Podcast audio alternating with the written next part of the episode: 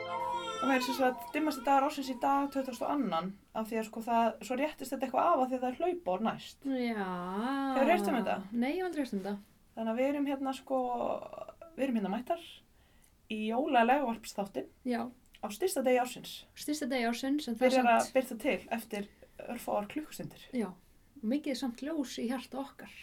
Já, vá, margir, margir vakaði við ljósinu í gegnum tíðina líka. ef að ég ætla aðeins að, að týsa hérna. Já. Eh, ef að kynna okkur, Já. Eh, Ég heiti Stefán Jósk Margisdóttir. betur þekkt sem Steppa Stuð, Mm. ungfrú Grindavík, Ung frá Grindavík. Já. Mikið rétt. 2019. um, og Sunna, Sunna heiti ég? Já. Ung frá Seltjarnanes. Nei, nei. Jú, þú Ah, átt mm, nei. stórt hjart, hérna stóna stað í, sérstaklega þessu húsi sem Herðu, er í. veistu það, ég hérna er ekki ennþá búin að jafna mig. Ég var ald, hef aldrei verið, var aldrei á mínum seltirninga árum, sem er nú ófá, verið kosin seltirningum ánæðurins í nesfréttum bæjarblæðinu og bara þanga til ætla ég bara að vera í fílu út í seltirninganis. Trú er ekki. Jú, bara fullt af fólki sko orðið seltirningamánanins, bara annarkur vinnur minn og, og bara vand, vandamenn sko. Þú Þannig að sem ert búin að vinna hérna í þessu... ég hef unnið hér baki brotnu Já. á hinnum ymsustofnunum Já. bæjarins þannig að hérna, já, ég ætla ekki að jafna mig fyrir að þessi titill verður í húsi. Mhm, mhm. Þetta er nú, de. Það er nú bara þið. Þetta er nú bara de. En hérna, já, hvernig líður þér með jólinn? Tveit dagar í jól, Uh, ég er bara að fara á 12 tíma nætuvakt eins og er. það er ekki ut. Þannig að um leið og hún er búin, þá skal ég sko... Þá er jólinn mín búinn sko, því ég er að fara Já. að vinna á aðfangadagskvöld og svona. Og Og jóla, jóladagskvöld já. og já, já. Við stöndum vaktina. Já, krakka mínir, börnin fæðast hvenær sem er. Mm -hmm. Og þannig er nú það. Og- Það er einhver að sjá um eitthvað hérna. Sko, ok, mér leiður svo hetju að vera eitthvað að fara að vinna á aðfangaskvöld, eða þú veist. En sko, Þú ert það. Þú ert e, það. já, ég er það, ég er hinn sann að hetja. En maður er svo lítil hetja með að við uh, alla, alla fæðingamestarana í gamla daga, sko. Já, nákvæmlega. Ég menna, ef maður var ljósmáður í, í gamla dagir, talum bara 1700 og eitthvað, þá var maður ekkert endalega fríi sko. Nei, Nei, Þú og veist- líka bara maður var kannski tvo sólarringa með konu. ég bara, ef, ef ekki meira. Já. Og þú varst bara að fara í áriðandi um fjöll og fyrnindi Já. og, og, bara eitthvað svona. Og ég hef verið í tvo sólarring með konu Já, og fengi mér alveg 6 tíma lúr eða, fjör, eða 5 tíma lúr kannski já, ekki mála já, þannig já, já, já. en ég hefði nú ekkert lifað af nema ég hefði ekki fengið hennar lúr held ég bara Nei, þetta er, þetta er mjög svona, já, en meina maður hefði ekki dáið rau- ráðalaus þarna Nei. ef hefði maður verið uppi Nei, en sko við erum með mitt að hérna, ætlum nú að hafa þetta stutt hérna inngangin okkar. mikið rétt, við erum alltaf að þessu gleyma sinni, okkur Já, að því að við erum bara í- að fara að fá svo ótrúlega skemmtilegan gest sem að var eiginlega, við erum hérna aðeins að grilla með tæknina sko, hann- hún, við erum búin að tala við hanna, Já. erum hérna að taka upp eftir á. Þetta er, hún Erla Dóris Haldósdóttir Mhm. sem ætlar að koma og spjalla við okkur á eftir, sannkallað jólaspjall um Mhm. fortíðinni. mm Hún er, já, hún kynni sér nú betur á eftir Mm. en hún er hjókunarfræðingur og sagfræðingur og var, er búin að gera doktorsritverkefni um, e, sögu hérna ljósmaðra já, s- þú veist, og eila nána tildæki sögu sko karla í ljósmaðurstörfum. Mhm, Já, og, og líka búin að kortleggja bara ljósmaðra störfin sko, Já, ég meina já, hún er gerði þarna sýningun á þjóðabóklöðinni og svona mm þannig að hún er eins mikill sérfræðingur og gengur og gerist og, þeir, og, á þessu sviði, hvað var þar svona sögu ljósmæra? og við erum hérna, hún var svo ótrúlega sæti í sér, hún kom færandi hendi og gaf okkur hérna bókina sína sem að kallast, er nýkomin út, er ekki rétt um mér, Mhm. þeir vöktu yfir ljósinu saga karla í ljósmaðurstörfum. Mm -hmm. ótrúlega falleg og spennandi bók Mhm. sem ég held að allan ljósmæður hefði mjög gaman að því að, að, að skoða og, og glugga í. Ég ætla að mæta með hann á vaktinu eftir. Er það ekki? Jú, og sína hérna ljósmærunum Húslestur. á meðgöng og sengur Já, hefur deildinni. já, já, já. Hafðu húslestur, lestu nokkra kapla. Já, svona, vel alltaf. Algjörlega. Og það var svo óslega skemmtilegt hérna, Sunna var búin að vera í bandi við hana Já, og hérna, og við erum hérna saman á miðvíkudaginn, það ekki, mm, að, að eitthvað svona pæli í lægvarps, með lægvarspælingar. já. Þegar þú ringir í hana, þá erum bara stödd, stödd hérna í, hvað, Skotlandi? Hún er bara hoppið byggur að lest erlendis og var svo, svona líka hress og Mhm. til í þetta Mm og kemur svo einn á eftir áðan. Það var, þú veist, er að gefa sér tíma hérna tvo dag jól á sunnudegi. Já, 22. desember. Fylgdi örlæti. Pældi í því. og sko og þá var, hafði ég verið svo óskýr í síman með, með þetta allt saman af því að mér brá svo að hún væri bara í einhverju lest, skiluru. Og kannski bara hún hefði verið til. já, já, já, og hann hefði verið til. Að að ég hafði einhvern veginn ekki útskýrt nóg vel, útskýrt nóg vel að þetta væri hlaðvarp. Þannig að hún, hún eiginlega vissi ekki eins og hún væri að fara í upptöku, þú veist, viðtal, held bara að við værum að gera eitthvað verkefni og langa bara og við ætlum bara aðeins að heyri henni, sko. Þannig að hún var nú ekki að búa til vandamál úr þessu, sko. Nei, nei, bara, Og bara stóð sér eins og hetja. já, þetta er, þetta er svo ótrúlega áhugaður, sko, Já. sem hún er að fara að segja á eftir. Sko við hefðum getað að tala við henni í tíu tíma, þú veist, Já. hún er svo Veistu, fróð. Mér, mér leið eins og hún væri að koma úr fortíðinni. Já, þetta, e, en er það ekki bara? Var hún ekki bara að koma úr fórstíðinni? Jú, Er þetta ekki eitthvað svona jólakraftaverk? Ef bókstæla var hún alltaf að koma úr fortina þegar við erum í nútíðinni, ef við förum út í mjög heimspekilega pælingar. en, en en ég Ah. meina samt, þú veist, já, ég, ég fekk alveg svona, mér langar að draga upp allt, hérna upp úr þér bara. Já, ég veit það. Við bara einhvern veginn, við gátum ekki hægt Mm -mm. og, og m- já, mér fannst eins og hún væri einhvers konar vitringur a- a- að svona byrtast inn í einhverju jólakúlu og svo er hún bara horfin. En þú veist, hún fór bara heim til sín sko, hún er ekkert horfin, en, en þetta var svona, það voru einhverju töfrar. Og mér finnst alltaf vera töfrar sko þegar að maður kemst svona í ferðalag aftur í tíman. Já, og það er eitthvað svo jólulegt við það. Já, ég veit það. Það er svo mikið jóla, jólastemming Mhm. og það er eitthvað svo ekstra sjarmerandi að vera í ljósmaðra störfum í, í svona rétt fyrir jól. Já, ég ætla bara að elsta kvennastjætt landsins, ef við förum út í það, ljósmóðurinn. Já, akkurat. Þannig að það er ekstra töfra við það að kafa svolítið djúft í sögu ljósmara. Já.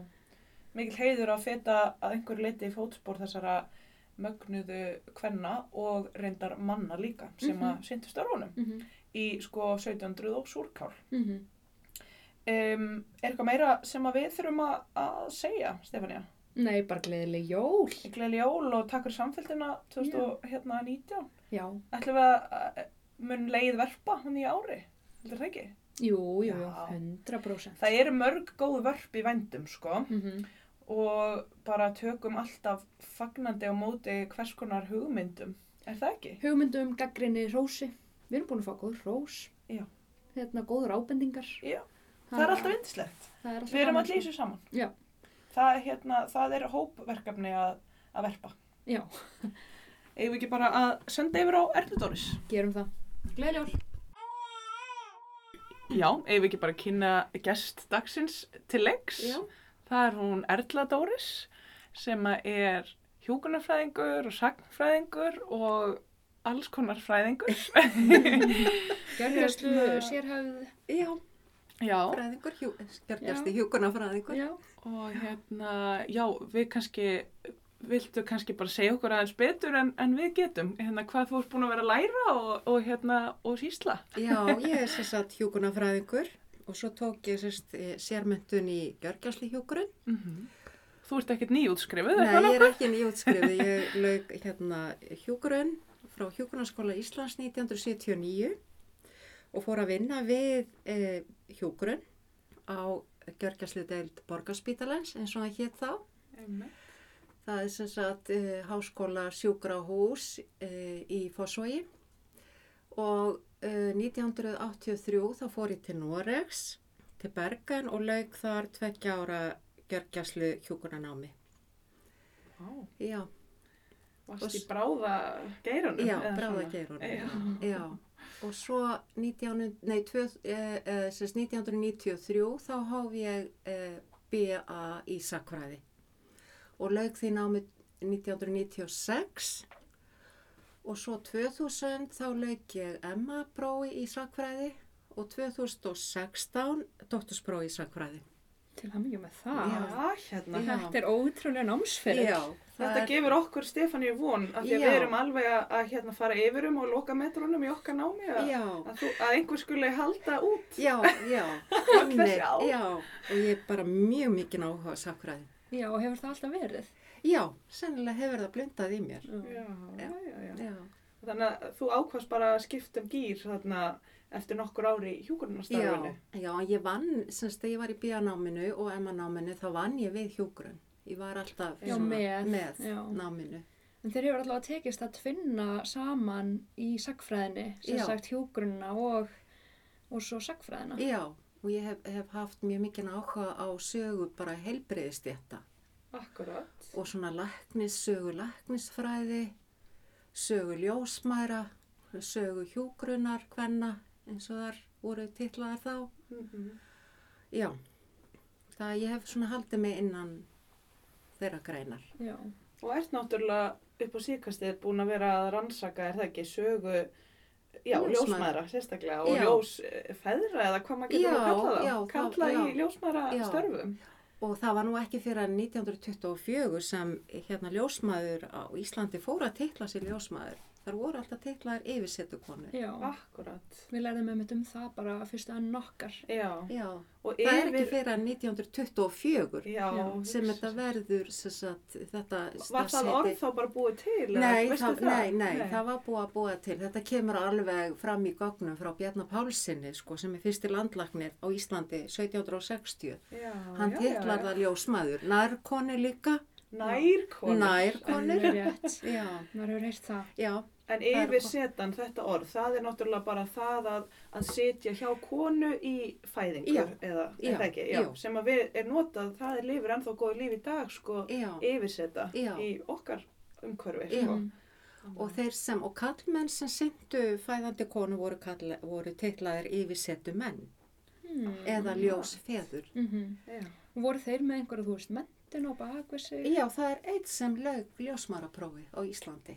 Ok. En Já, það já, var já. 1776. Það, já, Já, og Svolítið langt þetta- síðan. já, þetta er svolítið langt síðan og þetta eru sannlega hugmyndir sem koma frá Englandi einmitt, Já, um að hafa karlmenn í... í ljósmara störfum. Já. Já, akkurat. og það var íslensku lækni sem, eh, eh, sem hefur sannlega kent þessum kallmanni að taka á móti börnum. Þetta var, það var sérst ekki landlæknir, heldur var þessi lækni starfandi fyrir norðan Mm. og, og hann gekk stundi próf hjá honum 1776. Ok. Já, þetta er eini kallmaður, íslenski kallmaður sem hefur lokið ljósmáraprófi Já. eins og aðra ljósmaður á Já. Íslandi. Með svona sa- sömu mentun. Sömmu Og, með sa- og já, einmitt. Já, Af því að við fáum sko, maður fær náttúrulega leða maður skráði sér í þetta nám, alveg rosalega ma- margar spurningar. Þetta er einn algengasta spurning Mhm. sem ég veist ég fá. já, er strákur í bekkniðinum, er einhverjir kallar að vinna við þetta? Hefur, Já. og jafnvel hefur einhver Hefur verið einhver ljós einhver tíman? Já.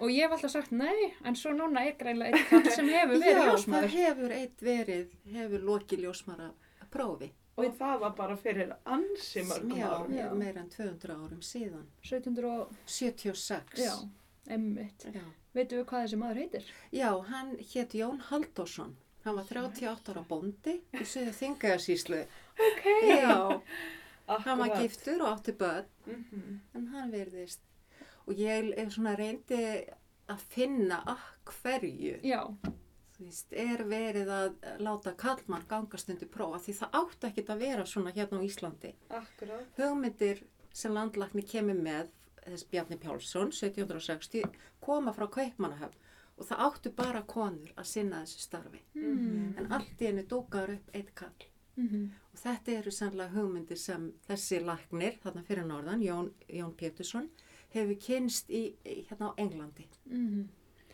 En eins og, þú veist, varðandi ljós, ljósmaru, ljósmaður og ljósmaðurstörfa þessum tíma, Já. þú veist, veistu, vitum við eitthvað einmitt hverjir völdust í þetta og af hverju og hver svona þjálfunin þeirra var og, Já, og svona. þetta, já, þetta eru örgulega alveg bara mjög sérstakar konur, Já. svona góðhjarta konur. Mm. Ég er ekki að segja að það eru náttúrulega alltaf konur góðhjarta, en þetta eru mjög sérstakar konur svona sem umhyggju samar umhyggjusamar sem, sem, sem gefa sér tíma til að setja yfir fæðandi konu. Alla fæðingar fóru fram á heimilum. Akkurat. Og þetta, ég meina, það, sko fæðing gat alveg tekið meira en sólaring. við þekkjum það Já, þetta eru svona þólimaða konur. Mm Og þetta eru, og svo áttu þær að vera giftar á miðjum aldri. Já, Það var, eru- var það það, var svona... forkrafa. Já, það var Svona eiginlega hefð. forgraðan, já. en Þetta var einhver, voru var ekki einhver unga konur eða hvað? Nei, það eru, hann, hérna Bjarni Pálsson, hann tekur þess að hérna konur í nám, Mm. Mhm. bara 1761.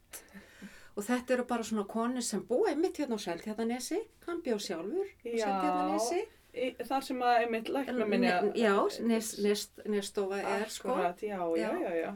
og, og hérna og þetta eru uh, konur á meðjum aldri komnar jáfnvel yfir 50 og í þess að svo, hann, hann hafði kennslubók það var búið að gefa út hérna uh, kennslubók, hún er nú reynda komin sko 1749 sá nýju yfirsetu hvernig skóli og þar eru alveg svona leiðbenninga hvernig hún átt að líta út sko. hún átt að vera meðjum aldri hún átt að ekki vera of feit hún átt að ekki vera of, of styrð hún var bara Ég skil að vera það reyndar vel. Já, Þetta er hún mikið var að leikfimi. vera í góði formi En þurfti hún eitthvað að eignast, eða ef verið búin já, að eiga hún bann? átti helst að vera búin að eiga bann Já, já, til að já, upplifa já. sásökan Já, Já, já. já. einmitt. Til að hafa þarna, þessa samúð samúð og skilja. já, og skilning já. Þannig að við sunnum myndum bara aldrei komast í Nei. yfirsetu skólan. Já, ég Ég er hefði svo- ekki Nei. komist á þessum tíma. Og sko styrleikin hjá mér, ég væri ekki tekin inn ef það væri eitthvað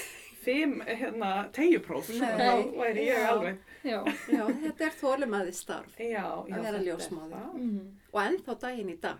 já. Ég er sjálf ekki ljósmáður, Nei. en ég hef fætt bann og Já. veit hvað. Þú veist Hva- hvað er hvað það þetta er. skilur sásökan já. Já. og hvað var þetta, veistu hvað þetta var löng svona þjálfun þá eða Já, kennsla hún er, sem að- já það, það, þetta var, var eiginlega bara kannski nokkra vikur. já, akkurat En þær urðu að geta lesið já, og yfir setu hvernig skóla, kennslubókina. akkurat Mhm. það var náttúrulega ekkert sjálfgefið á Nei, þeim tíma Nei, það var ekkit sjálfgefið á þeim tíma. Þannig að þessar konur hafa kannski komið frá ágetis ættum innan gæsalappa ef svo mætti segja eða Já, hvað þar voru kannski, já, giftar, þetta voru giftar konur, þar voru vel lærða. Vel, já, að nei, einhverju þar voru leyti. kannski, þar ku- voru, þar kunna að lesa, uh, þar voru kannski giftar bændum, svona velmegandi já, bændum, sko. Mhm. voru ekkert í svona einhverjum ba- eh, í fátæk sko. Nei, þar Já, voru að ekki, díla við, glíma við fátæk Nei, eða eitthvað. nei, nei, það voru- einmitt. og ég fel bara prestætur, Já, Mhm, bætur akkurat. presta, Einmitt. uh, já, Núna hefur maður einmitt svona uh, verið að horfa á þætti eins og Call the Midwife og Já. þar kemur hérna, það eru yndislegið það. já, hérna við hefum einmitt heyrt bara ólufastu kennarinn okkar tala um að þeir þættir í raun og veru svolítið endurspegla hvernig það var. Já. En þetta er náttúrulega svolítið ekki svona gamle tímar. þeir eru í- Nei, þeir eru 1950 já, Já. akkurat í, þarna. sko, í, í fátökakverfi, já, eh, í Lundúna. London Já. já. En þar er einmitt kem, er komið svo mikið á trú og Já. núna ert þú til dæmis að segja að hérna, mikið af þessum er dætrum presta. já, Var trúin spilað hún svona ótrúlega stórt hlutverk hér á Íslandi Eh, eða veistu Ég það? myndi nú ekki segja það að það hafi verið haft eitthvað að segja, sko. Nei, nei, nei. einmitt. Og svo koma náttúrulega nunnurnar hér, þú veist hvenar, ég veit Það ekki. er 1902. Já, Já. einmitt. Það er sinna ekki fæðingahjálp. Nei, Nei, ok. Þannig að nei, það nei. hefur alltaf verið svolítið frábröð frá kannski Englandi, Já, já, þú veist, Já. hérna á Íslandi. að Já, Það, það- trúin hefur ekkert. ekki, það er sinna ekki fæðingarhjálp. Nei, Nei. einmitt. Fæðingarhjálp, það er sinna bara, þetta er bara íslenskar konur Já, sem sinna akkurat. fæðingarhjálp. En fi- þið vitið að fyrsta, fyrsta ljósmóðir Íslands eða yfirsettu kona var dönsk. Hún Já. kemur hingað 1761 til að Akkurat. hjálpa landlagninum að að, kenna, að þjálfa þjálfa. og akkurat hún sinnir verklari, verklari e, þjálfin. Hún tekur konuna með sér, Já, í Akkurat. fæðingar. fæðingar hjálp.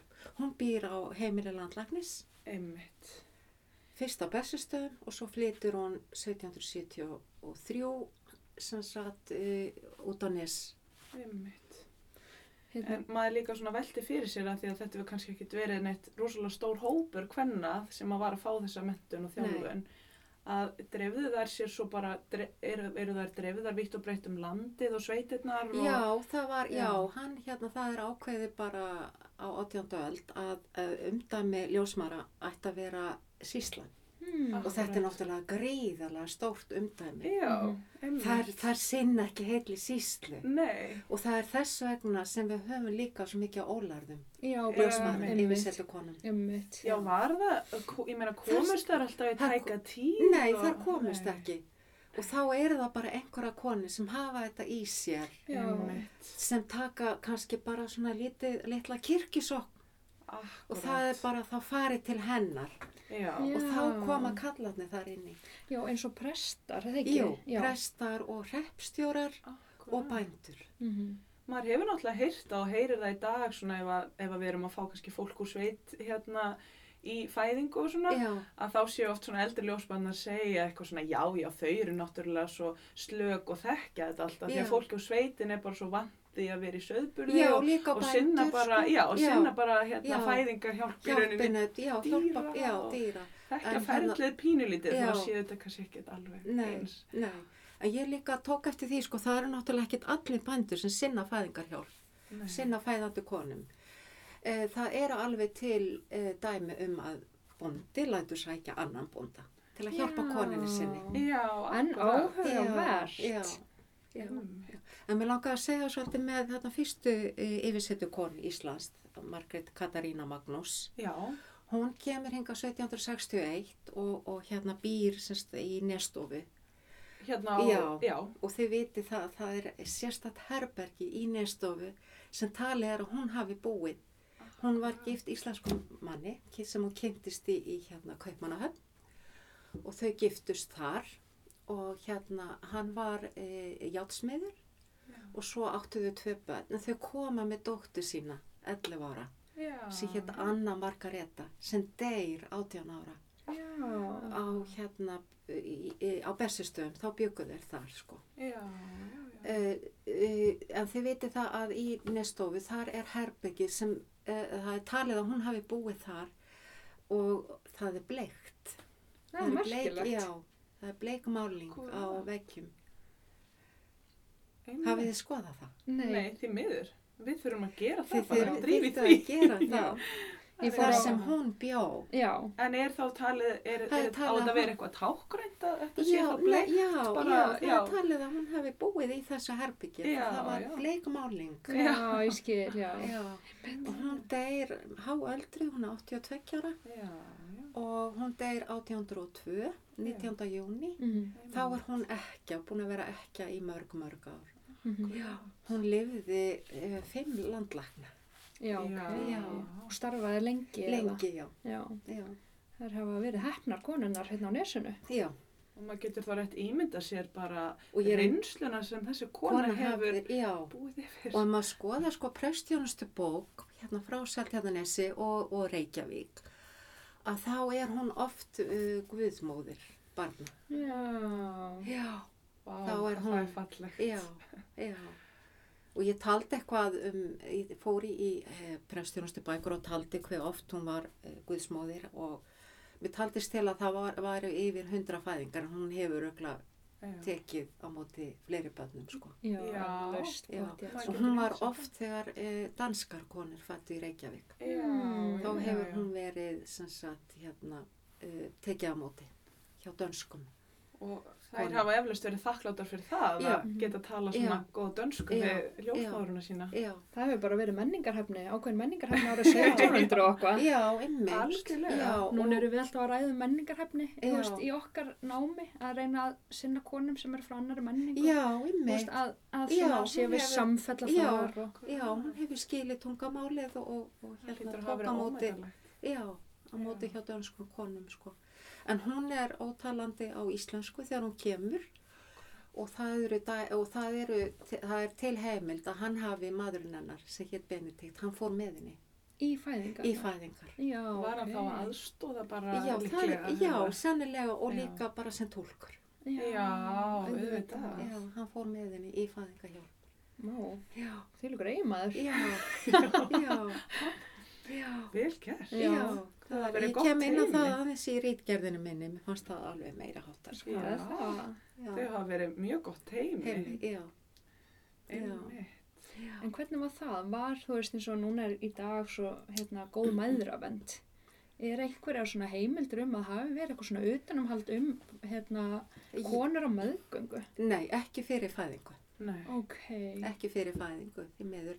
En eftir fæðingu þá voru þar oft hjá konunum nokkrum, nokkra daga eftir fæðinguna. Bara svona þess að að pa- passa. Já, passa. Upp á Og svo eru það. alveg dæmi um að þær hafi tekið uh, nýbura heim með sér. Já, já, já, já. Hérna, hérna, ljósmaður. Ljósmæðurnar. Ljósmaðurnar. Ef að þeir þurftu einhverja sérstaka aðhlynningu þá er það Einhlýningu, eitthvað já, styrkt. já, Já. og líka eh, bara uh, til að uh, hjálpa til að aðstóða heimilinn Já. það voru kannski mörg börn Þannig að þær voru kannski meira en ljósmaður. Þær Já, voru þær- gáfu bara allt, eh, svolítið lífsitt í svona Já, þú veist. þetta, þetta starf sko. Já. Já, og svo er líka dæmi um það að kallmennir sem sindu fæðingarhjálp hafi líka tekið með sér já, börnin ný, heim. nýbura heim, Akkurat. bara svona til að eh, Til að aðstofa, létta undir undir, jafnvel létta og- undir á, á Mhm. heimilum, já.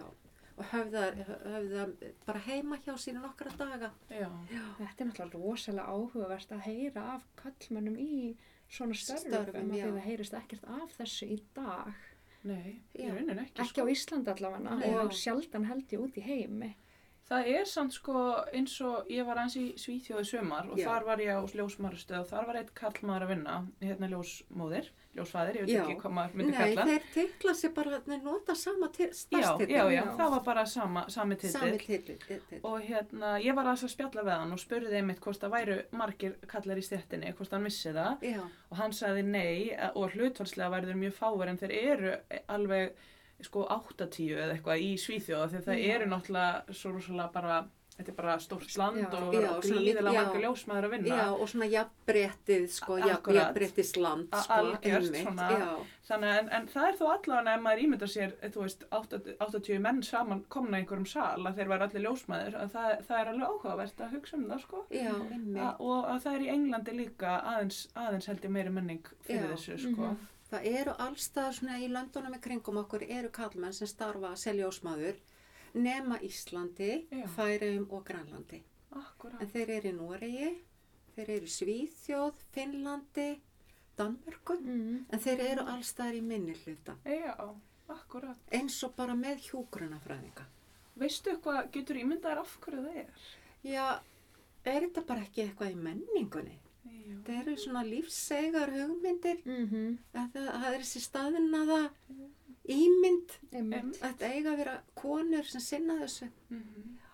Þetta er náttúrulega svolítið svona feminist fag í sjálfu sér. Já. Eða, mér finnst það svolítið, þú veist, maður fekk nú að heyra það bara þegar maður var að byrja í námuna, nú væri maður að taka svolítið svona stóra feminiska ákvörðun eða bara afstöðu einhvern veginn í sínu lífi, sko, Já. og lærum mikið um hérna allt þetta bara heilsu kvenna og svona Já, og að þetta er kannski eitthvað svona sem að er svolítið svona frá konu til konu þú veist að skilja bara þennan reynslu heim eitthvað sem fælst í að vera já, kona og þú veist, núna voru við, erum við nýbúin að fjalla um þú veist hvað er stór hluti hverna sem eru orðið fyrir kynferðslu ofbeldi og hvað já. getur verið er það það sem er, er þar þröskuldurinn? eða? Ég, ég hef alveg veltið fyrir mér, ég hef ekki hugmyndum það Nei. sko Ég veit ekki, ná, þú veist, ég held að enginn veit það raunverulega, Nei. þú veist, kannski einmitt, ég gæti alveg trúið að sé þessi staðla ímynd. Ímynd sem er Já. sko Örugglega. svo stöðnuð. Já, Algjörlega. sem að lifir svo svakalega, svona, Svona, hún og náttúrulega eru svo- engar fyrirmyndir kannski beint til staðar Nei, já, já, og En svo hugsi ég að setja sé bara líka launamál sko, Já. þú veist að karlar eru ekki að sækja í þessi, er, Já. það, er það ekki bara aðeins jú, sannað? svo er hún Bara- náttúrulega líka bara eitthvað í kallmennskunni. Mhm. Já, Þeir já, þóra ekki inn, á, inn í akkurat, þennan kvennaheim, sko. En til dæmis eins og við erum, nú, all, við erum hjúkunafræðingar, já, allar, Já.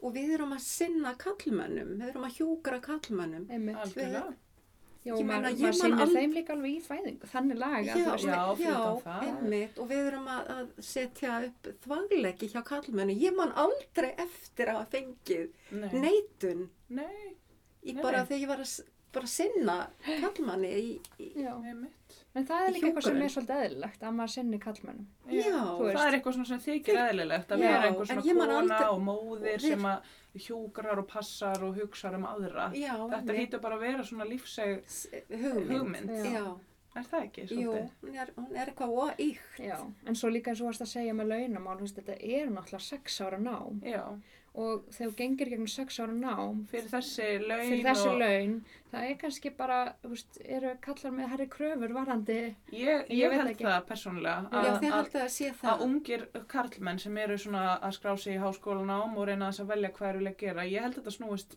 eitthvað um það að bara Mm. mér er smargi svona strákar í kringum hann skilji ekki að maður sé að velja sér þetta að þessa ábyrð og allt þetta álag Já. og allt þetta Já, Mm. fyrir þessi laun og þú veist, einmitt varandi kannski einhver virðingu og já, en hefðu og- Harry laun að þið farið í svæfingahjúkurinn uh, ég veit það ekki Ég þekki það ekki alveg. bara veit eða ekki, sko. gjörgjastli hjúkurinn?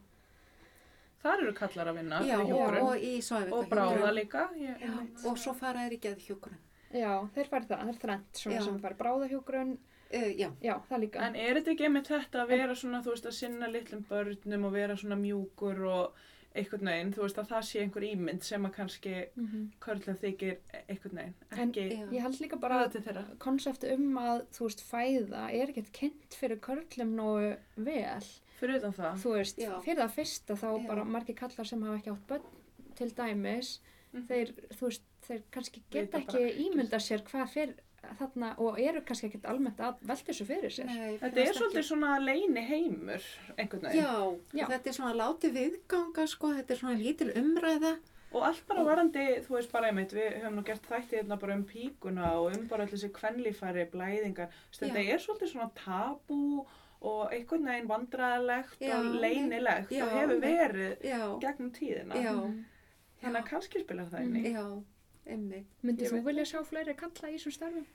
Í- Svona núna þegar þú ert búin að skrifa hérna bókina Já, þegar af vakti hverju yfir ekki? ljósinu. Ég myndi, já, ég Já. var alveg til í að sjá Já. kallmenn í þessu starfi. Varstu Akkurat. hérna þegar þú ákvæðast að skrifa doktorsritgerna hérna um, hú veist, hérna, svo sögu yfirsettu og, og ljósmærastörfin. Já. Hú veist, kom þeirra, hú veist, hvernig fléttast inn í kallmanns, hú veist, kallmanns hlutverki þar? Já, sko, ég er náttúrulega bara að byrja á því ég sá, þegar ég skoðaði hérna e, ljósmaratalið, þá eru e, nýju kallmenn taldir upp í ljósmaratalinu sem er gefin, gefið út sko 1984 og þá fór ég svona að spá í þetta, hverju byttu kallmenn í ljósmarastöru, ég hafði bara ekki heyrt um þetta sko. Mm -hmm. Nei. Eins og allir líklega Já, einmitt. einmitt og allar semst að skrifa rítgerð um bara þessa kallmenn sem syndu uh, fæðingar eða syndu uh, þessum hérna yfirsetu kvennastörfum en rítgerðin svona þróaðist meira líka út í það að taka inn sko uh, læknastjættina því Já, þeir höfðu líka hlutverk gagvart fæðandi konum einmitt. og það er bara mjög fljótlega eh, eftir að landlagnir 1760 eftir það Mm. þá fara lagnar að sinna eh, konum í erfiðum fæðingum Ég- Já, og bara það, einskorðuðust þeir bara við erfiðar fæðingar. erfiða fæðingar Einmitt, þeir ætluðu sér aldrei að taka yfir eðla fæðingar einmitt. eins Kannski og gerðist það- Já. í Englandi Já, það, við, ég held einmitt að ljósmar bara berjast rosalega harst fyrir því að þær Já. Já. séu sérfræðingar í eðlum Og fæðingum. í Fæðingu. dag er það sérstæð ljósmara í rauninni. Það er þetta náttúrulega Já. óáreitt að ferli þegar að það gengur þannig. eða já, þú veist, já. einmitt, já, ljósmarafræðin er líka skilgrend þannig Akkurat, við Að- göngum út frá frá- eðlilegu hérna já, en ferli það gerir og- læknisfræðin ekki Nei, hún er alltaf tilbúin að greipa inn í ef eitthvað fer úrskeiðis Já. akkurat. Nákvæmlega. En En hún er skilgreint semst á tvenna vegu. Ljósmarafræðin skilgreinir alla fæðingar sem eðlilegar, þar til annað kemur í ljós. Mhm. Já. Einmitt.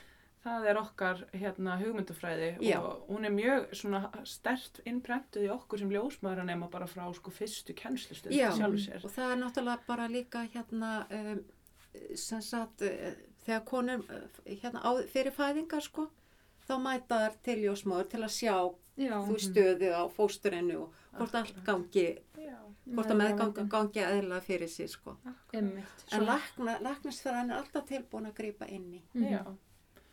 Það er gott að vera í samstarfi þessar tvær Já, stjættar þær- já. því að þær, Mhm. þær koma svo- með svolítið ólíka hluti að borðinu. einhvern Já. veginn. Já. Já, og íslenski læknar ætluðu sér aldrei að taka yfir eðlilega fæðingar. Nei. það hefur aldrei, það er bara í Svona- gegnum söguna. sko. Já, einmitt. En var þá kallað bara, voru þeir kallaðir til Já. eða það var fyrir séð Já, eitthvað já, og, já, það er sem sagt, þeir fá, sem sagt, landlagnir fær fyrstu fæðingatöngina 1784 og svo kemur þetta bara fram í erindisbrefi hans já, 1789 að ef fæðing, ef ljósmáður eða yfirsetu konar sér að fæðing gangi ekki sem skildi já, þá á hún að hafa samband við lækni. En hann gætt kannski búið í, í Já. 100 km fjallað frá Ah. akkurat. Kon- fæðing- Konunni. konunni sem Já. var að fæða. Vistu, Og þá fer hann að stað með fæðingatöngina. Þú veist, Bara það á gat tekið- hesti Á eða... hesti, já. Já. Og það gætt tekið kannski tvo daga. Já. og þegar hann Jesus. kemur þá er bara bæði konan og pannir dáið, sko. Já. Já, það var þannig. Þannig Já. var þetta, já. Maður getur eiginlega ekki sett sig í þessi spór, Nei. sko. Vistu, líka Það getur ekki. hvernig fekk læknirinn þetta erindi? Þú veist, hvernig voru Það er boðleiðirnar? sendubóðar Það var bara einhver sem Sendiboði var á eh, sendur bænum, af stað. já. vinnumadurinn. Já, Hann bara er sendur bara með sendur- bref. Hann er bara sendur af stað að sækja læknin. Já, Já. ok. Af því Það eru sérstakki sendubóðar, sko. Já. Þetta voru þá oftast ungir Ungir- vinnumenn. já. Já. En hvað þetta er merkilegt. Og voru þá Það var það. ljósmaðurna líka kannski og yfirsöldu konuna Þær kallar eru- til líka svona Já, og það eru þá lærðar, já, lærðar ljósmaður eða yfirsetu konur. Mm Það er bara vitað að hún býr einhver staðar, sko. Það vitaði af henni já. Ok.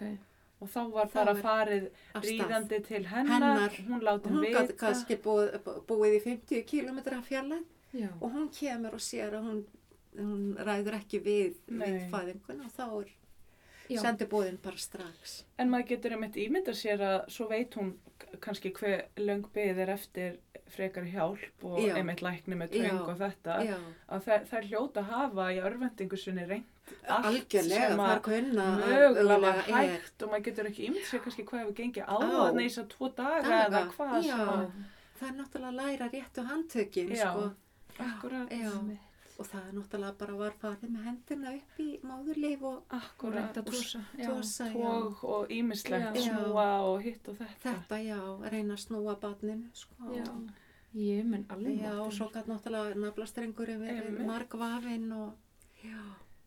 maður Og eiginlega svo getur þurfti ekki líka ímynda að sér stundum fættist fylgjan ekki, sko. Já, það. einmitt, Við Fættist náttúrulega- fylgja. það er sjálf og sér er, Já, Það eru bara mikla blæðingar. Já. Hva, hvernig átt að stöðu var þær? einmitt. Það Og er margir sko- sem að vita ekki en svona fylgjufæðingin er talin vera Hún var svona hættulegasti, hættulegasti já, parturinn. hættulegasti parturinn af allri fæðingunni. hún er í rauninni ennþanda í dag skilgrein sko, þetta er kallað þá þriðja stig Já. fæðingar, frá því að barn fæðist þar til fylgjafæðist, Já, S- er talið í hættumesti tímapunktu já, ef hún fæðingarinnar fæðist ekki, koninu blæðir út, er það Já, ekki? jú. Þá eru bara kaldri bakstrar, settir á, Já. það var ekki til neitt, Nei. engin leif til að, Í dag er það einmitt að það þarf að nota liv ef að það er blæðing og annað og Já. svo oft bara fara á skurstofu ef að þetta vandamál kemur upp og Já. ekkert annað virkar sko. Einmitt. Svo það er náttúrulega bara að hérna höggva höndin ofan í kviðinn og Já, svo bara taka mjög... nefin upp Já, einhvern veginn í og... og, það, það hafa verið þvílíku handtökin. Handtökin. já, og eru ennþá daginn í dag, þú veist. Já, manni finnst þau alveg nógu svona ákveðin í dag, Já. handtökin, en samt eru við með allan annan tækjabúnað og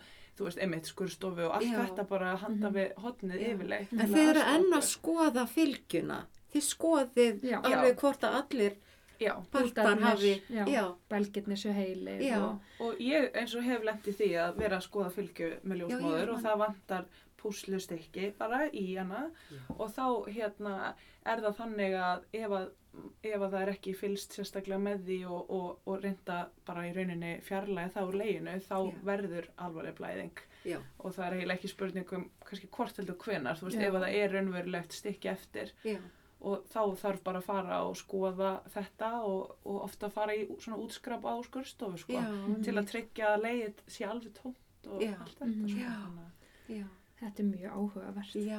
og svo líka Þetta að er- maður fer að hugsa sér þú veist hvernig gátu, gátu þetta fólk stuðlaða hreinlæti í Já. svona aðstæðum Já, það kemur ekkert fyrir en síðan, sko. nei er það nokkuð Nei. og þarna voru náttúrulega ekki síklarleif og þau voru ekkert á Ekki næsta leiti einu Nei. sinni. sko, einmitt og það ég hef náttúrulega líka haft svolítið mikinn áhuga á sko, að skoða eins og basfarasótt Já, akkurat Já. nákvæmlega.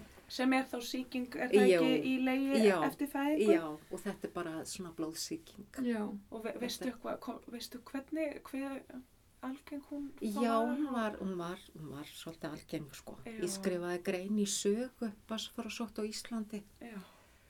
í fyrra byrtist í fyrra og þá skoðaði ég einmitt, fór í prestjónustu bækur og skoðaði þegar konur, unga konur dóu sko já, svona ástæður og... já, sem að maður getur rétt ímynda sér ef einhver sem að kannski næri ekki að vera með alveg nóg hreinar hendur Hendur. er þarna einhver staðar bara upp í leiði Já, eða já. þú veist hvað já, að maður það bara... dóu þessar konur Já. Svo kannski mögulega skort á vatni, þú Já. veist. já, Og það einmitt, var ekkert, þú veist, ekkert verið að spá í Nei. hreinar Nei. hendur, sko. nei, nei Það er, það er náttúrulega bara ekki fyrir en Florence Nightingale er Já, að það er, ekki, kynna, já, Já. það er ekki fyrir hann bara á 19. öld, sko. já, sem hún er að kynna mikilvæg hreinlæti, Hreinlætis. sko. og Sann það bara Hann uppgötast tvottur, já. Já, og svo einmitt ef maður líka velta fyrir sér akkurat, þú veist, þetta er náttúrulega ekki rafmagn og æ, þú veist, einhvern Nei, sko, veginn maður alls bara konar, getur svona, ég væri svo til að vera að fljóða vekk í fæðingu á Já. þessum tíma, Já. Mhm. hvernig þetta allt hefur verið, Já. sko.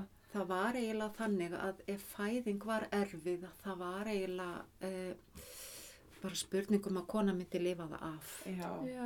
Þetta var algjörlega upp á líf og Upp á dauða líf og þarna. já.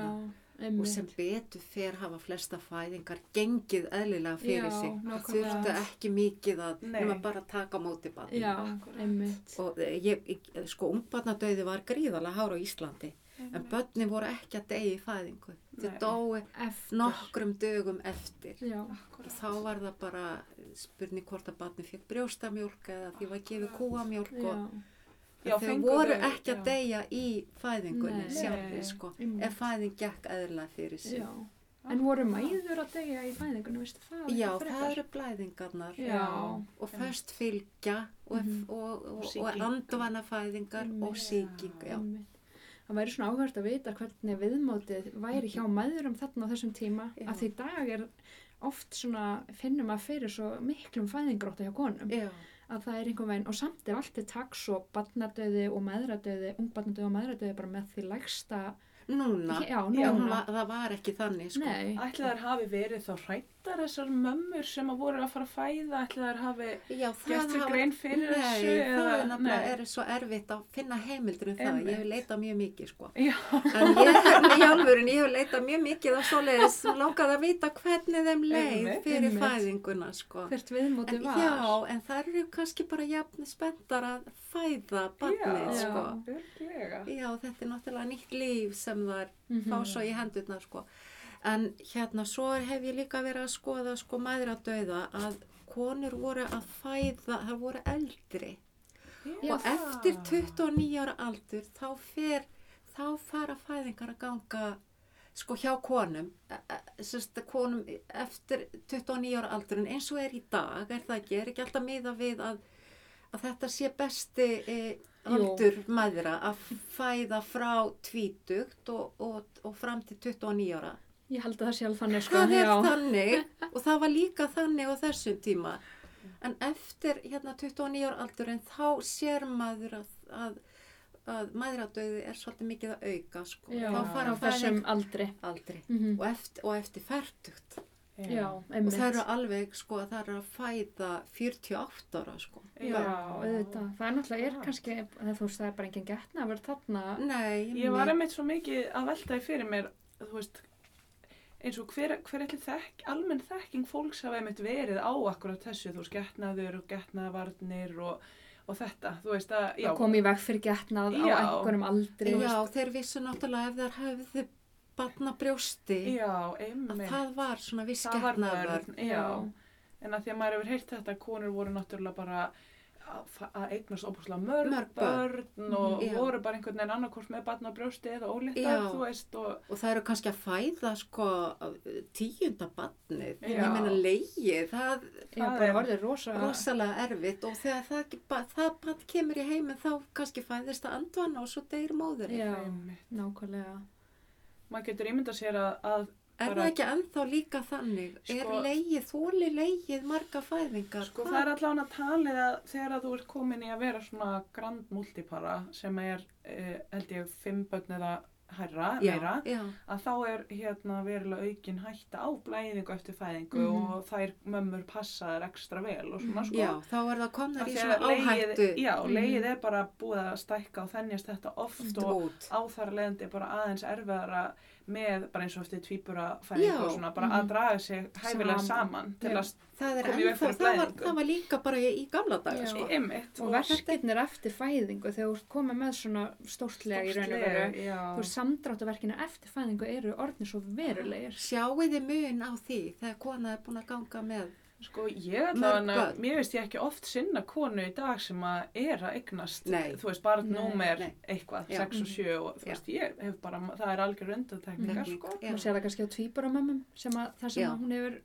hérna, Já, tvö hefur- börn hefur, hafa verið það, Já, sko. einmitt. Já, En einmitt maður ímynda sér nú akkurat að vera kannski tvíbarafæðingu í, í, á þessum tímum, í þessum aðstæðum og svona, eh, hva, hvað það hefur nú Ég er Já. nefnilega, það Verið hefur líka stressandi. verið ómeð, nei, óvita kannski algjörlega. ógreitt. að hún hefur verið með tvíbura. já hún vissi ekki einu sinni um það, hún Já. gengi með tvíbura. Já. Það kom líka fyrir, sko. Já, það er náttúrulega magnað. Já. En hvernig er það? Þú veist, núna bara ert þú sagfræðingur og ert búin að skrifa svona langt aftur í tíman, þú veist, hvar færðu heimildar um þetta allt saman? Já, það eru náttúrulega bara, hérna, eh, eh, það eru til skjöl í, í Þjóðskjálasafni Íslands, það er Já. hérna embati landlagnis e, ljósmaður það, frá 1802 þá hafði ljósmaður e, skildum að gegna að tilkynna andvanafæðingar Já. til presta Mm. Mhm. og þau skjöl eru til í, í þjóðskilasafninu Mhm. og svo hafðu líka e, héraslagnar skildum að gegna það var Gagnvart- gagvat fæðandi konum ef kona dó í fæðingu þá urðu þeir að- að skrásetja það frá Já. 1803 Mhm. og það kemur fram í heilbreyðskíslum Einmitt. og svo voru prestar duglegir að skrá líka bara fæðingar og, og andlát Mhm.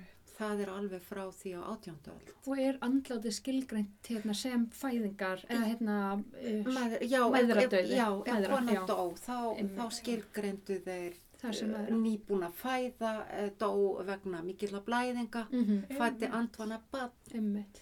uh, já, Núna er svo áhvert að því ég var að lesa hérna, einhverja Ínu May bók og hún er að hérna, segja að svo sorglegt í bandaríkjunum að oft eru læknar rægir við það að skrifa raunverulega ástand fyrir því að móði dó. já, því það þótti hérna vera miður fyrir Já, þá fyrir þá. Þannig Já. að þeir vilja ekki Þetta er einhver vörðin líka. Já, að- já. þeir vilja ekki viðkenna að Já. ástæða, maðra, eh, ástæða döðans var vegna maðra dauða, Já. Mm. já. það gera, það, það reyndar ég hef ekki séð það hérna fyrir Ísland sko Nei, Þeir einmitt. skráðu þeir skráðu það, alveg, já, já. algjörlega. og þeir eru mikið að kvarta undan því hvað þeir eru lengi að komast til konu sem á í erfiðum erfileikum með að Já, fæða eru reynir að berjast Þeir- fyrir já, þeir betri þurfa að þjónustu. senda skýsluna til kaupmannahafnara því að, við erum að Ísland var náttúrulega hluti af Danmörku Já, alla skýslu fara til kaupmannahafnar og hérna það eru embatismenn sem lesa þetta og, og, og lesa þ- um það að íslenski læknar er að kvarta undan því hvað helbreyðistjónastina er á, á, á, á slíðileg hérna á Íslandi. já, Þeir hafa allt og stóru um, umdæmi, þeir hafa marga síslur Já. að sinna og þeir, þeir náttúrulega gera sig grein fyrir því að komast ekkert yfir komast, þetta. Já. komast ekki yfir þetta og eru mjög lengi og eru jáfnvel að segja það ef ég hefði komið deginum fyrr þá hefði kannski konan lifað já, eða Akkúrat. barnið. Já, og einmitt sérstaklega maður hugsar um það að, að þú veist, konur höfðu ekki þessi tæki til að stjórna frjóseminni þú veist, og voru að eignast Já. mörg börn Börn, að, þú veist, já. að, að þá hafa þú veist, hlu- hlutfallslega fæðingar með Já. við hérna, hóp, eh, fjölda fólks verið margar og svona þannig að Já. þetta hefur kannski verið talsverð fjölda fæðingu já. Og þeir eru líka að gaggrína það hérna hér að slagnar í sambandi við eh, það var farið með ungbörn í, til skýrnar akkurat mjög Já, bara eh, ung. þá, já, þetta voru það einmitt. ströng eh, skýrnalög á Einmitt. Íslandi. og ég myndi okkur, þú veist, eins og veðri núna. Núna, já. þú veist, það er búið að vera svo hryllilegt, Já. þú veist, ef maður, já. þú veist, eins og þú varst á Akureyri um daginn, þarna þegar að Já. ofsaveðri var, Veistu, þá var ég myndi að hugsa mikið um hennan gamla tíma því Já, ég var í það- storminum fyrir norðan og það var bara verið að að björgunarsveitin að flytja mæður í fæðingu, Já, þú veist, einmitt. innan bæjar Já, sko og samt í erum við sjúkrabíl. já, já, þú veist, eða bara þú eða veist að bara í fara á hérna, einhverjum björgunarsveitabílnum, björ- bara, björgunarbílum og, Já. og þú veist, og konur í nærliggjandi bæjum að, að hérna reyna að vera einu skrifa undan veðrinu og heldur til bara innan bæjar Já. af ótta við að fara af stað og komast hvergi og svona Já. að maður getur ekki alveg ímynda sér þetta sko Nei, mitt. þannig Já. fyrir í gamla Allt- gamla daga Já, og Já. það var bara farið með bara kannski tveggja daga gamalt batna Já. á hersti. nú Og ertu þau með höfðu- mitt aftan á bókinni en hérna Já. er teikning af einhverju manni á hesti Já, með verið að fara með... pínulítið barn barn. í fanginu Já, kannski tveggja, þryggja daga gamalt batn í hvaða veðri sem er. og hvers vegna var það? Var þetta svona Já, það voru svona, mikilvægt að- já, það var, Já. hérna voru mjög ströng skýrnarlög. Það þurfti að fara með börn til skýrnar innan viku. Og þeir sjá þetta hér að slagnar, þetta gengur ekki fyrir Ísland. nei, Nei, Þetta eru sömu lög og sett eru fyrir e, Danmörk og Nóri og, og, hérna, og, og fyrir Ísland. mhm, Það sem allra veðra von, það þurfti Já. kannski að fara mjög langt já, í kirkju. já, en ferðu þess prestar ekki þá til Jú, það barnanna kemur, eða jú, þú það veist kemur já. setna, þá er heimaskýrð já, og það er akkurat. náttúrulega, og líka skemmri skýrð, það þurfti stundum að, að hérna, skýra bara, bara mjög skyndilega ef, Já. ef eh, líf þess lægi við. já, og það þótti á, mjög mikilvægt að, að ná því þá samt, Samt, að, já. hérna, ef að það var kannski bara sá- fyrir séð að það myndi ekki lifa lifa af lengi skírnum. og, já, já, já, já, Já. akkurat Var, þannig að væri veistu, búið að fá nafn já, veistu okkur það? Þetta Já. var svona mikilvægt. já, það er náttúrulega ef bara dó án þess að vera skýrt þá Já, já, auðvitað. Já. En, en ég meina af hverju þetta voru svona ströng skilir, þú veist, hvað láð þar að baki, var það trúin? já, það er eða- trú, Já. það er Já, henni kristnum trú akkurat Já, en svo maður að getur myndir lenda í himnaríki já, en já, ekki akkurat í helviti já, Já. já. maður getur Æ, æ. ímynda sér að mitt að bara dauðin hafi verið fólki ba- og sko bara í kringum fæðingar Já. einmitt, þessi nýburadauði og mæðradauði hef- hafi verið bara mjög svona meira daglegt brauð hjá fólki Fólki á núna. þessum Já, tíma en, já. en í dag já, sko og Mhm. svo var náttúrulega líka bara að barni væri búið að fá nafn já, og það er ennþá daginn í dag já, maður veit það að, að það eru Það í er- tilveikum þar sem að það er það er skemmri skýrt já, sko. þá er verið að skýra upp á, upp á spítölum og Sem- fæðingastöðum og Já. svona bara Já, hérna, lærið þið það í ljósmara Sko ég rak augun í þetta því ég var fyrir norðan í verklagsreglum. já, Þá var bara verklagsregla sem að sag- sagði til um að allir hérna, fermdir menn eða skýrðir menn, ég Já. man ekki hvort, Já. gætu skýrt barn ef að það væri algjör neyð, þú veist, Já. nýfætt barn. já, já. Að, hérna, þá, væ- og þar voru bara leiðbenningar um nákvæmlega hvernig maður ætti að fara að því. já, Mér finnst það mjög merkilegt, Já. sko, af því að já. Svo Nú er ég bara einhver svona típiskur nútum íslendingur sem er ekkert í miklum tengslum við trúabröð og nei, svona. einmitt Þú veist, en þarna, þarna Þá var er ég að það- skoða þetta, mér fannst Já. þetta svolítið merkilegt. já, Mhm. það er líka Já, bara þannig að þú svona hefði völd til að skýra. Já, Já, ég gæti þið hafið skýrt, það. já, Já. við getum hérna skýrt, skemmri barn, skýrt skemmri skýrt. Já. Ekki er það verra, Nei, Já. gott að vita þetta. já, en vonandi í gónum aðstæðum. já, Og þetta er eitthvað sem er ekki, þetta er bara í sérstökum. Já, neyðartilvikum já, já, neyðartilvikum sko. einmitt.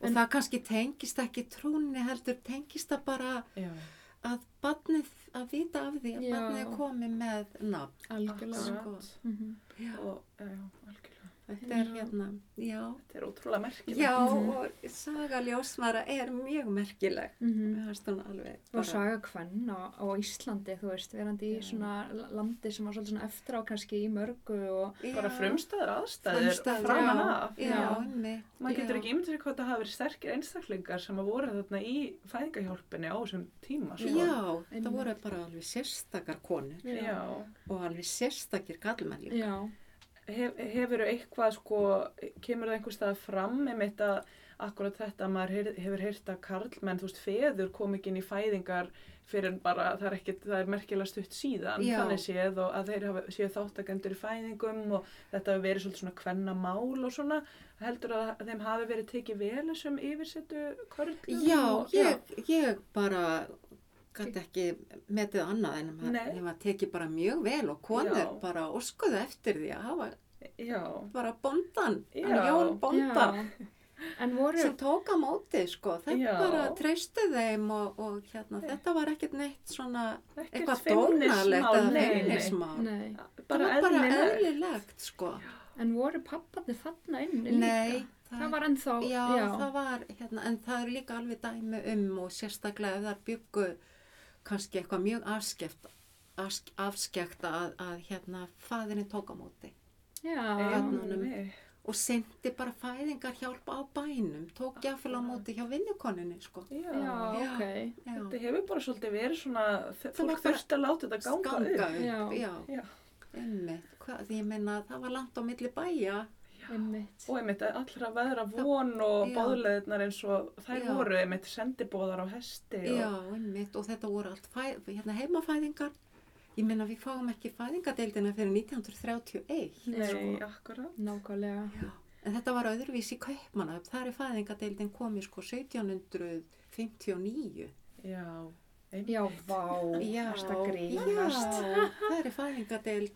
Þetta er ótrúlegt. Já, En eins og að því þú varst að tala um þetta með að fólk var að fara bara ríðandi milli staða, að þú varst að nefna við okkur með ljósmaðurina í borgarnesinu Já. sem að fekk hestagjöf. já, það er Tengdist það eitthvað því, e- e- þessu, þá að komast svona, eða var það bara þakklættisvottur? Já, eða? þetta hefur verið þakklættisvottur, já, ég Já. fann þetta hérna á Facebook þjóðskjálasafsins, Já. Oh. ljósmáður í borgarferðarsýsli. já, Já, jórun, Jórun, já, Já, þar hún gaf Jórunn. henni, já, gaf henni hérna, eh, bara konur Já, bara Það- þar sem hún hefur sérlega tekið á móti þar gaf henni í hérna uh, Í jóla- gjöf, jólagjöf. jólagjöf, Já, í hest. jólagjöf. Já, það er mjög merkjulegt. Já. Já. Mér finnst alltaf eitthvað jólalegt við að heyra um ljósmarastörf frá því í gamla dag. Ég veit Já. ekki hvað það er. Já.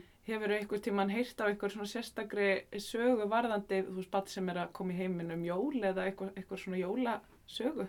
Um, ekki kannski beintu jólkonu voru alveg að fæða þú Hvenær veist sem aðfokkataskvöldi er. hvenær sem Já. er sko en ekkert neitt svona sérstætt að það hafi verið Hafi eitthvað þótt einhvern veginn eitthvað betra eða betra, hvað? nei. það hafi verið ekki hérna Það hefur Ekki- kannski ekki skipt jafn miklu máli og í dag. Nei, nákvæmlega. já, Eða þú veist, í dag kemur bara tilkynning bara Það er fyrsta barn, já hérna, Fyrsta ársins já, Jólabarnið og- fyrsta já. barn á Já. 20 og- í- á 24. fættust sex barn, Já, þú veist. akkúrat. já, tvær mínútur yfir miðnatti Algjörlega, Já. fólk er með þetta á 2020 Já. fæðist fyrsta barn ársins Einmitt. Þannig er fólk kannski meira bara verið að spá í því hvort að móðir og, og barn lifðu af Já, og, og já, já. Það hefur verið mik- Já. mikilvægari, mikilvægari pæling. Já, en svo veit ég líka sko að e, ljósmaður í Reykjavík eða yfirsettu konur þar voru betur mentaðar heldur Já. en aðra konur. Einmitt. Akkúrat. Og þetta er alveg fram á 20. stöld, þar eru þetta að fara til kaupmannahafna. já, já, já, já. Og þetta voru Akkúrat. sérstakar embattis konur, Já. Já, embattis ljósmaður sko. Þær hafa líka kannski náða, eða þú veist, að því nú finnum maður að bara maður er að ko- læra þetta fag að þú veist, það er svo mikið styrkur í því að þekka, að vera í kringum aðra sem eru að læra og eru að starfa. Já, Þær hafa kannski náða að, að halda sambandi og halda hópin og, og deila nýri þekkingu eða reynslu og svona eitthvað. Og já meðan þú meina væ- það bara ljósmaður ljósmaður. sín á milli Já, menn þú varst kannski ein, svolítið svona eini heiminum Heim, þegar já. þú varst að starfa einhver staðar í Borgarnesi. afdölum já, í já, eða, Borgarnesi. já, eða bara, já, eða, Eða- já. bara í kirkisókninni eða, já, Já. að þá bara gerðir þú alltaf þitt besta en Já. þú kannski varst, vissir ekkit alveg hvað Já. aðrir voru að gera eða, eða hvað, þú Já. veist maður veit það ekki Já, já.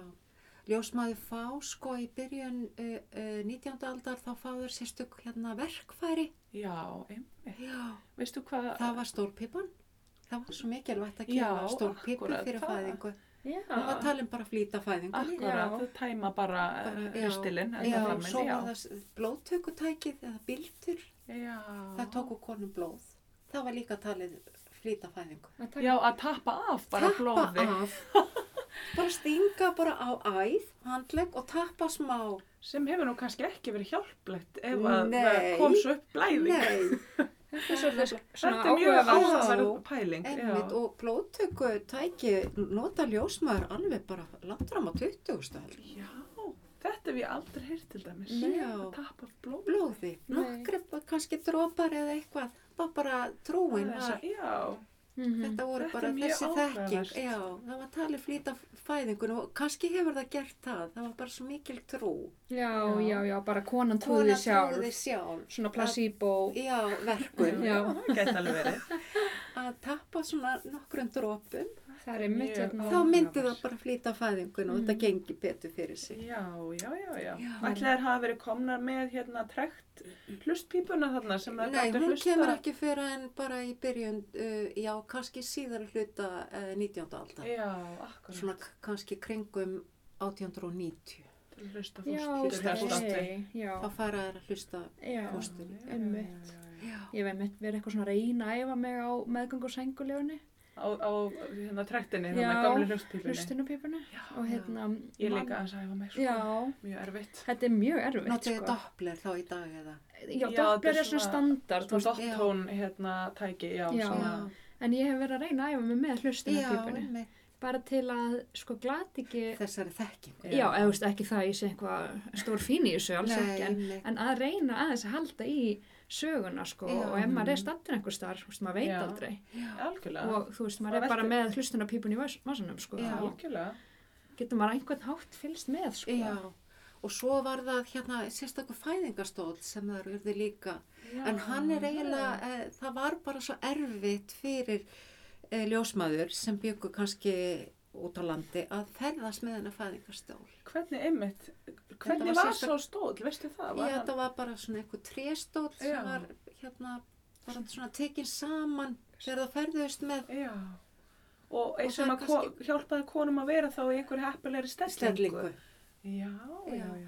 en, Mjög en, en, áhugavert. en, en það eru ekki dæ, ég hef ekki fundið neinn dæm um það að, að íslenska ljósmaður hafi notað Mm. þennan fæðingarstofn. Nei. Það er ekkert svo mikil menning fyrir fæðingarstól finnst mér hérlendis. En Já. það er mjög mikil menning í Svíþjóð, veit ég. Já, því þetta eru öruglega eitthvað gamalt. Já. Já. Í dag, sko. Já, ennþá daginn í þetta, dag. já, en það dæn í dag. Þetta eru öruglega bara eitthvað sem heyri sögunni, sko. Já. Þetta er eitthvað mjög gamalt að það Algjörlega. hafi notað fæðingarstól Einmitt. í Það er, fæðingu. ég var einmitt bara að frétta fyrir kannski mánuð eða tveimur mánum að það er fæðingarstóll upp á fæðingavakt Já. Já, sem já. að er sjaldan gripið í reyndar Já, en, einmitt. en þær ljósmar sem eru vanar að gripa í hann Já. þær hafa alveg svona tekið með sko Já. Ég hef alveg verið eh, hérna, nokkru sinnum vitna því þegar Já. hann Já. er notaður sko Já. og bara ótrúlega frábær kostur Já, einmitt. stundum. Já, Já, og svo var En ætlaður hafi verið þá með einmitt skæri og eitthvað svona til að hérna, Já, það- aðskilja, þú já, veist, það klippa á var hníf- naflastreng. hnífurinn. Já, nýfur, já. Já, skærin kom ekki fyrir en setna, sko. Einmitt. Það er Þetta er bara eitthvað sem með að maður hníf. aftur sig ekki. um. einu Þar sinni er á. ég að fel bara með vassanýf. Já. já, vá, Og það veistu er hvort það var skorið á streng þá, strenginn og Já, svona. það var náttúrulega bara bundið um eins og þið gerðið í dag, Já. sko. Já, með einhverja klemmu eða eitthvað hannig Já, það var bara settur hnútur. Nú, nú, Já, Já. ok Svo hefur maður heyrt sko að eins og í dag að það séu leifar frá gamlu tímanum, ég veit ekki hvað er til í því, að klippa ekki of nálagt, sérst Já. hafa stúfin ekki of stuttan, Já. til að klippa ekki á áru barsins. Já. Er það- þetta eitthvað já, sem þú hefur Já, heyrt um? ekki kannski ári barsins að það var bara svo hættulegt, sko, ef að það var klift og nálægt að, hann mynd, að hnúturum myndi opnast. Já, einmitt. Já. Þá Það það var var svona náttúrulega frekar vandamál. það, já, sko. já, já, já. Og það hefur örgulega komið í kjölfara af þessari Af einhverju svona praktísku. þessi saga komið Já, já, líklega. já. Já, Einmitt. Einmitt. og svo fjórða áhaldi sem þær höfðu, það var hérna fjöður. Svo það gáttu blásið, sérst að barni var mikið slím Já. notuðu við að blása upp slími úr Já. kokibassins. Í Já. gegnum bara fjadurstaf eða þannig. Gáttu það að soga Sogað. Já, það? Já. Vá, var það opið í báða Já, endana Já, eins og bara rör. já, þannig það séð. var, já, það Vá, var. hvað þetta er Þetta er stórmerkilegt. merkilegt. Nú veitum við hvernig við getum bjargað okkur ef við lendum í svona einhverja eyðamerkur. Það er fjæðurstafurinn og blóttöku, blóttöku og bara bíldu, leið og hnífur vasanýfurinn og stórbíba. Já, Nú erum við bara færar í flestan sjó. Já. já, en geggja. og hérna í sambandi við bara uh, svona stólpipur að þær eru notaðar bara langt fram á 20, veistu, að Já. Svo núna er Þetta sama er alltaf í Call the Midwife sko. Já, Þær voru- konleitu Þar voru konur jafnvel að halda í sér ef þær voru svona bara alveg í hörkufæðingu og Já. að þær væru bara að halda í sér barnina því að þær sko ætluðu sér að fá sína stólpípu Já, Já, emmi. áður en þær fætt. já, þetta var bara, Mjög já, áhugavert. já, Og stundum er ennþá nota hæðalossandi lif sömur, Það er bóðið upp á það í dag sko ef að það er Já. að tala nástað til. Til. Já. Ef það er einhver já, rosalega Fyrirstaða. hefðakvæða Já. og fyrirstaða, já, já, Já. Emmi. um að gera lúsum hana. Já, en það Já. er svona, einmitt, þetta er svona s- mjög umdelt að, að nota sko lif til að losa hæðir Já. fyrir fæðingu. já, En Svo er talin alltaf að vera svona náttúrulega hæðalósun bara í fæðingu ofta, hérna, já, fyrir konur svona þess. konur fá niðurgang. niðurgang fyrir Já. fæðinguna. já. Maður veit um þetta á Indlandi þá eru þær alveg bara að kasta upp sjálfurlegar, Já, bara Hefma- framkalla uppkast. framkalla Já. uppköst, Hvað segir þú? Svona hreinsun. bara einhvers. hreinsa Já, fyrir fæðingu einmitt. og það er einmitt eitthvað svona talið flýta fæðingu. Já, Hef ég heyrt sko. já, já. Það var nefnilega hérna í, sko, hagðatræða var mjög algengt vandamál. Já. Fólk kannski ekki mikið í. í, eh, kannski, Ávöxtum og- nei, Nei, nei ég var veit ekki. ekki að, já, kannski að borða svona mm, mat.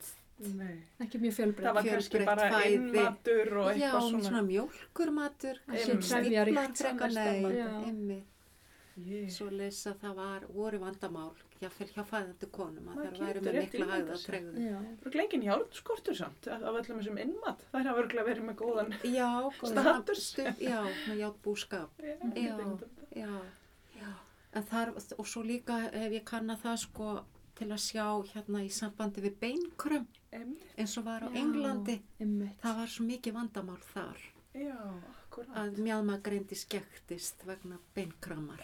Og þá náttúrulega hafa það Þetta voru kannski konur sem unnu í, í versmiðjum Já, einmitt. og fengu ekki mikið sko Nei. C-vítamín. C-vitamin og Já. D-vitamin. Já. Og að- upp á þá í fæðingu þá bara Já, gangi þá- þeim ekki já, að fæða. já. Já, og Maður það, hefur heyrt það náttúrulega víða í Afrikuríkjum þar sem hefur bara verið mikil fátækt og skortur á bara fæðu bara hjá ungum stúlkum og þá hérna, sem fullorðna konur eru þær með bara of þrönga grind, Grind. til að mögulega Já, eiga þetta var tækifæri á að vandamál, fæða. já, Já. þetta var mjög mikið vandamál á Englandi Akkúrat. á átjándu öld. En veistu hvernig það var hér á Nei, Íslandi? það er nefnilega var, það var nefnilega uh, mjög gott ástand á mjöðmagrind hvenna. Einmitt. Mhm. Svo Það heyrir var maður í af því að dag það sko eru að... það mikið úti Já, á sólaljós og, og, og Já. hérna, Og kannski mjög, virðast- mjög hvítar. Ef Já, það já. gengur manni betur að... já, og Það eru eru bara með hraustar góða konur. grind. maður heyrir segja það náttúrulega þetta enn- Já. Ta taka það fram í heilberiðskíslum að, að grindin var ekki þröng. Já. Íslenska virðast- grindin sko. já, Já, já. nákvæmlega. hún er bara En það- toppurinn. En það fæða konu stór bönn hérlendis. Já, Já. þetta eru hvað einhver stærstu börn á- í heimi líka við, eru Já. hérna á Íslandi og Já, konur bara ráða við þetta, Já. einhvern veginn. já, Hljóta að vera góða Já. grindur bara. í- já. Og fæðingatöngin hún er náttúrulega tilkomin vegna þess að að marga Já. konur áttu í er, erfinningum með að fæða vegna þröngra grindar. mjög grindar. Var einhver svona tíðni yfir notkun fæðingatangar? Já, hún er, eh, þeir, það eru bara laknandi sem eiga að nota Já. Já. fæðingatöngina Mm og það kemur alveg fyrir sko að þeir eru að taka Já. vatn með fæðingatöng. Já, ok. Það kemur alveg fyrir sko. Einmitt.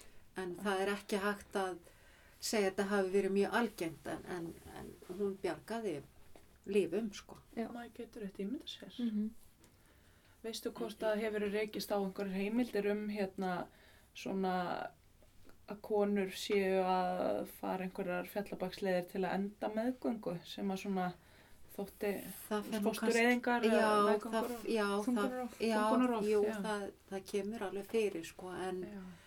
það er ekki, þá er það kannski í einhverjum svona dómskjölum Já, Já. akkurat. að það er hérna talið vera -hmm. að, að, að sé verið að gefa með eitthvað drikk, Já. sérstakann drikk sem á að e- binda enda á meðgöngu Einmitt. En ljósmaður, larða ljósmaður máttu ekki nota. Það var Nei. bara í hérna, erindisbrefið þeirra.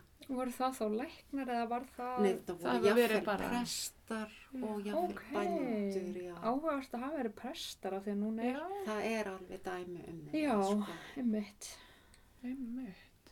Að, en, en það var ekki hægt að sanna. Nei, neitt. nei, nei. Já, Það hefur líka kannski verið meira um það að eins og einhverja Það fór ungar leynt. stúlkur eða eitthvað hafi já fætt bara bann svona þessi leini já, og það er jafnvel einhver dulsmálinn. annar- Það, það er já. alveg heimildur um Mhm. það. Já, akkurat. Einhver, einhver annar bara gengist þá við barninu og verið eitthvað henni hilmi yfir Já, og svona, maður já. hefur heyrt svo, svona Já, eitthvað. það eru jáfnvel bara að fæða eh, í fjósum. Já, Já, vá. einmitt.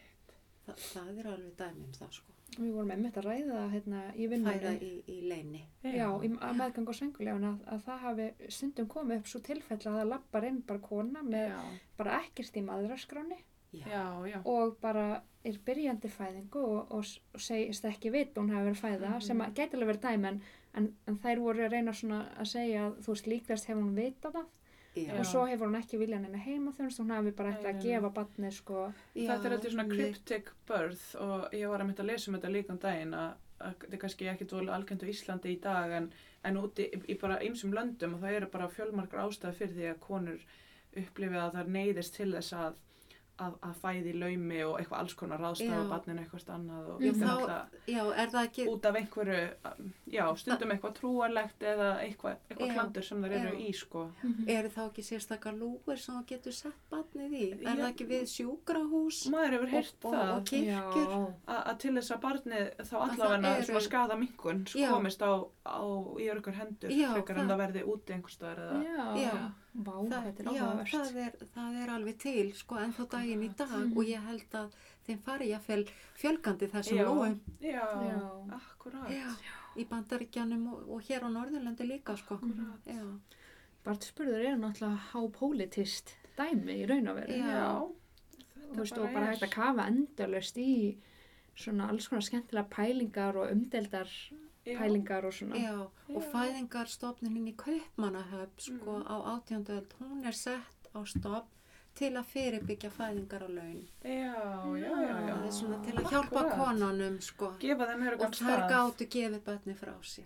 Já, Einmitt. Já, og það er það, er það fyrst og fremst ástæðan? Það er ástæðan fyrir því að Já. fæðingarstofnanir eru settar á Í Danmörku. í Danmörku. Já, þannig er ekki til að tekni væða Nei, fæðingar. nei, og það er bara, Bara að hugsa um öryggi. öryggið Þetta er mjög Já, áhugavert já. finnst mér. og Saman. kongurinn vildi fá fleiri börn. Já, akkurat, Já. þetta er mjög áhugavert Já, og þetta er kannski líka svolítið svona að því að maður hefur heyrt að hérna að sumstaðar í einmitt á Indlandi og einhverjum ríkjum með ólíka menningarheimi en við þekkjum að þá séu mjög ungar konur að hérna fæða börn já, sem eru kannski þar sem við myndum kalla ekki endilega með tilfinningilegan þroska til að ala upp barn og þá svona elsbarnið, jafnvel bara meira upp hjá foreldrum móðurinnar já, en hún er líkamlega með best, besta möguleikan á að, þú veist, einmitt að fæða og ganga Já. vel, að þetta sé svolítið svona bara samfélagið alup, þú veist, þetta sé bara svona samfélagsverkefni, já, en við erum svo mikið með þetta að maður bara eignar sitt barn og er ótrúlega mikið út af fyrir sig og já, að, að þetta er kannski á einhvern nátt líkara hinni hugsuninni að, Já, að það nei. sé þá allan að tækifæri ef að, kon- til að konan geti gefið barni frá sér ef hún þarf þess og þá bara tekur einhver annar við því og já, Einmitt. já, þetta er bara svona, já, mitt. Já, það það er, er perkar. já, það er það sko. Þetta er hérna, þetta er, já, já, ljósmarasagan er mjög merkileg.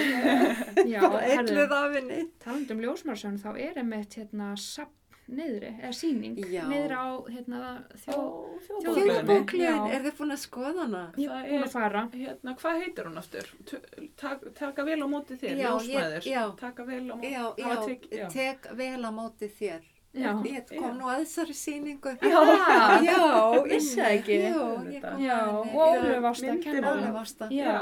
Myndir af höndum ljósmæðra meðal Já, annars og, varst að fara. Já. og svona, já. Já, Einmitt, bekkjarsystur okkar.